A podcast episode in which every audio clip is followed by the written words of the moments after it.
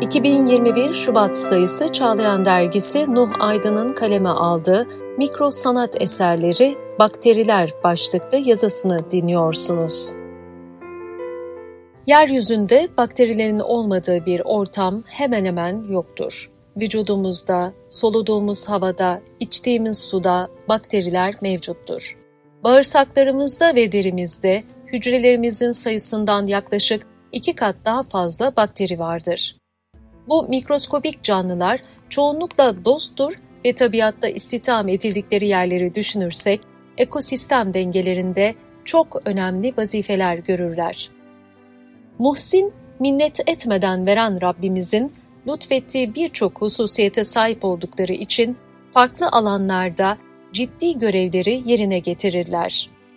Yoğurdun mayalanmasında, peynir ve sirke yapımında, yediğimiz gıdaların bağırsaklarda işlem görmesinde, dökülen yaprakların ve ölen her türlü canlının çürümesinde, organik atıkların hatta plastiklerin geri dönüşümünde, atık suların arıtılmasında, madenlerin saflaştırılmasında, kirli havanın temizlenmesinde, enerji üretiminde ve daha birçok alanda istihdam edilirler.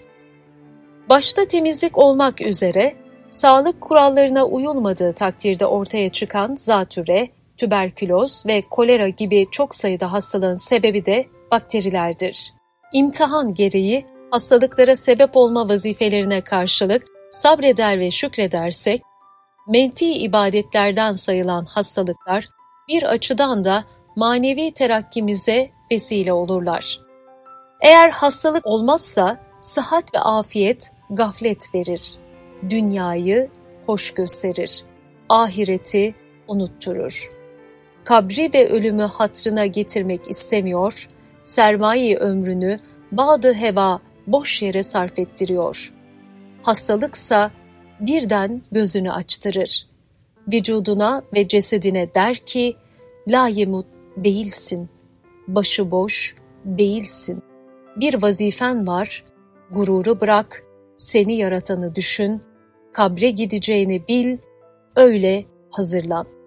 Gözle göremediğimiz tek hücreli basit zannedilen bu mikroskobik varlıkların hikmetini bilim ilerledikçe ve teknolojik aletler geliştikçe daha iyi anlamaktayız. Buradaki basit tabirinden bir bakterinin tesadüfen gelişebilecek bir molekül kümesi olduğu akla gelmesin. Tam aksine bu minicik canlılar yeri geldiğinde koca bir insanı veya fili bile yere serebilir. Taşıdığı moleküler makineler, DNA ve RNA şifreleri, yaşaması için gerekli organel isimli kompleks moleküller, cihazların faaliyetleri tefekkür edilerek bu mikro alem sakinlerinin ne kadar müthiş canlılar olduğu daha yakından incelenebilir. Alemlerin Rabbinin bu mikro canlılara verdiği özelliklere yakından bakalım. Kanser ilaçlarının taşıyıcısı Kolombiya Üniversitesi'nden araştırmacıların neşrettiği bir makaleye göre sağlığa faydalı probiyotik bazı E. coli bakterileri kanserli tümörleri bulup içinde yaşayabiliyor. Bu türler kanser ilaçlarını tam hedefe göndermek için taşıyıcı olarak kullanılabilir. Diğer bir tabirle kanserli hücrelerin içine bir nevi Truva atı olarak gönderilebilir.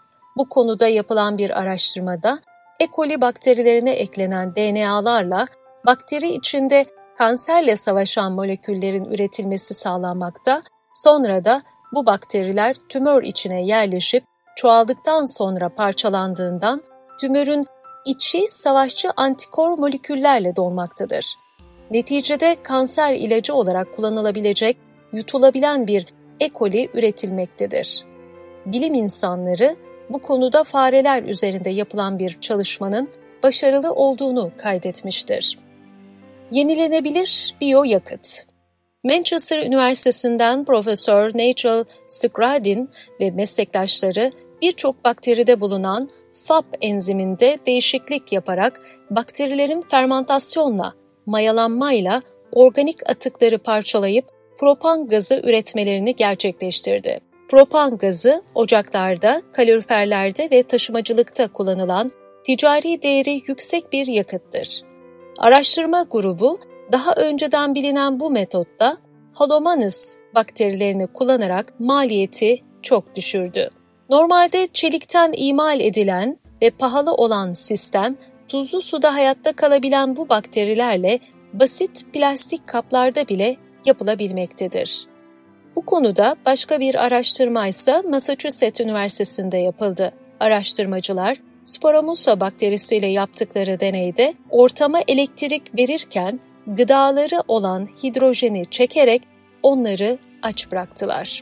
Bir süre sonra bakteriler elektronları yakalamaya başlayarak ortamdaki karbondioksidi asetata dönüştürmeye başladı. Asetat, endüstride biyoyakıt ve plastiğe çevrilebilen çok önemli bir kimyevi maddedir. Su arıtma ve elektrik üretimi Atık suların geri dönüşüm maliyeti yüksektir. Atık sular pompalarla sürekli havalandırılmak zorundadır. Cabrian Innovation firmasının geliştirdiği bir teknik sayesinde atık suların temizlenmesinde harcanan enerjiden daha fazlası üretilebilmektedir. Bol miktarda karbonhidrat ve protein ihtiva eden atık sular, enerji üretmek için büyük bir potansiyele sahiptir. Firmanın geliştirdiği teknikte oksijensiz ortamda üreyebilen bakterilerden istifade edilmektedir. Bu bakteriler sayesinde pompalara ihtiyaç duyulmamakta, gerekli olan oksijen bakteriler tarafından üretilmektedir. Geobacter, Shivanella adını verdikleri bakteriler vesilesiyle de ısı ve elektrik üretiminde kullanılan metan gazı elde edilmektedir. Havadan besin üretimi Finlandiya merkezli Solar Food firması hidrojenle beslenen bakterileri kullanarak karbondioksiti proteine dönüştürme konusunda bir proje yaptı. Araştırmacılar bu yolla bakterilerin bütün dünyayı besleyebileceğini düşünüyor. Ticari sebeplerden dolayı hangi tür bakteriler kullandığını açıklamayan firmanın bir yetkilisi, güneş panellerini kullanarak su moleküllerinden bakterilerin gıdası olan hidrojeni elde ettiklerini söylüyor.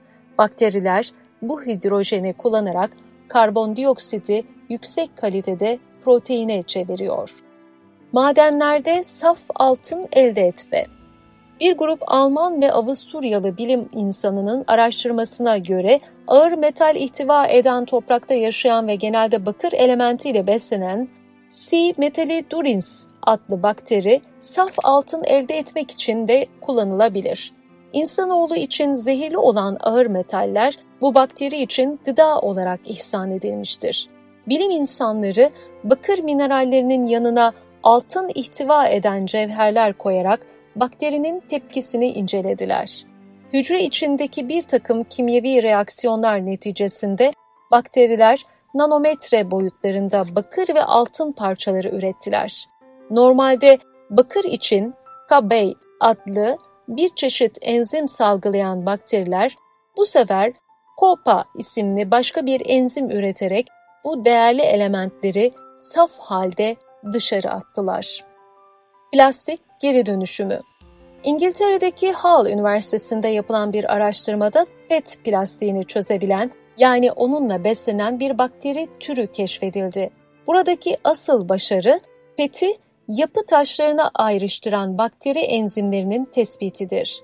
Gerekli enzimler olmadan vücut belirli besin kaynaklarına ulaşamaz. Mesela bazı bakteriler selülozü sindirebilirken bağırsağında selülaz enzimi olmadığı için insan bunu yapamaz. Araştırmacılar bakterinin DNA'sında PET sindiren enzimden sorumlu olan geni tanımlandı. Ardından bu enzimden daha fazla üretmeyi başardılar ve bu enzimle PET'in parçalanarak zararsız organik maddeler olarak tabiata kazandırılabileceğini gösterdiler. Gördüğümüz gibi bakterilerle ilgili çalışmalar artarak devam etmektedir. Özelliklerini ve yaratılış hikmetlerini anladıkça onlardan daha çok istifade edeceğiz.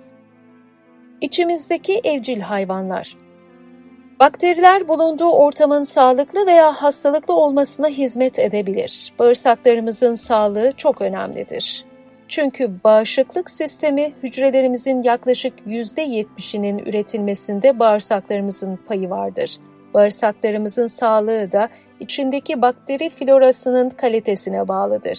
Bir insan bağırsağında yaklaşık 200 gram bakteri vardır. Bağırsaktaki bakterileri içimizdeki evcil hayvanlar olarak tanımlayan Dr. Megan Royce, onların beslenmesi ve bakılması gerektiğini, sürekli aynı şeylerin yenilmesi durumunda bakteri florasının kalitesinin düşeceğini dile getirmektedir. Derimizde yaşayan bakteriler neredeyse bütün vücudumuza dağılmış olup bazı bölgelerde mantarlarla mücadele halinde olabilirler. Kafa derimizde kepek üreten ter ve yağ salgılarını parçalayıp kir ve koku oluşturan dişlerimizden midemize kadar Helicobacter pylori gibi farklı yerlerde hastalık yapabilen bu canlıların kendilerine göre ekosistemleri ve görevleri vardır. Dil floramızda bakterilerin görevi midedeki zararlı bazı mikropları öldürmektir. Bu bakterilerin çalışma sistemini şöyle özetleyebiliriz. Yediğimiz yeşil yapraklı gıdaların içinde bulunan nitrat dilin arka kısmında oksijen erişemeyen yarıklarda bulunan bakteriler tarafından nitrite dönüştürülür. Üretilen nitrit, tükrükteki asitle bir araya geldiğinde tekrar form değiştirir ve mikrop öldürücü etkisi olan nitrik oksit yaratılır. Araştırmacılar bu bakterilerin varlığını yakın bir zamanda keşfetmiştir. Ancak insanoğlu var edildiğinden beri nitrit üreterek mikroplardan koruyan bu bakteriler vardır. Yemek yerken hiç aklımıza getirmediğimiz bu sistemde olduğu gibi Rabbimiz insanı bildiği ve bilmediği pek çok şeyden korumaktadır. Tabiatta da bakterilerin hayati vazifeleri vardır. Mesela çok önemli bir hadise olan azot devri daiminde büyük rol oynarlar. Tabiattaki canlılığın sürdürülebilmesinde toprağın azotu tutması canlılar için vazgeçilmez bir unsurdur. Azot, bakteriler tarafından havadan doğrudan indirgenir. Ayrıca atmosferdeki azot, başta yıldırımlar olmak üzere yağmur gibi çeşitli vesilelerle toprağa iner. Topraktaki bakteriler azotu bitkilerin kullanabileceği bir hale getirmede istihdam edilir. Yüksek yapılı bitkilerin en fazla ihtiyaç duyduğu besin elementi azottur. Bitkiler azotu doğrudan havadan alarak kullanamaz. Bunun için topraktaki azot bakterisi yoğunluğu çok önemlidir. Bu bakteriler bünyelerine aldıkları azotla beraber bitkilerin köklerinde açılan özel kapılardan içeri girer. Böylelikle azot canlı vücuduna geçer ve hayat bulur. Bitkilerin proteinleri olarak insan ve hayvan bünyesine geçen azot canlıların ölmesiyle tekrar toprağa döner. Azotu toprağa inorganik gübre olarak verdiğimizde 2 ay içinde bitkide kullanılamayan miktar ya gaz şeklinde çıkar ya da yıkanarak kaybolur. Fakat bakteriler yoluyla elde edilen organik azot kalıcıdır. Daha sonraki dönemlerde bitkinin istifadesine hazır halde toprakta bekler. Mahir bir kimyager, harika bir dönüşüm makinesi veya usta bir sarraf gibi istihdam edilen bakteriler gelecek yıllara damgasını vuracak potansiyeldedir. Bu alandaki araştırmalar devam ettikçe bakterilerin varoluş hikmeti daha çok anlaşılacaktır.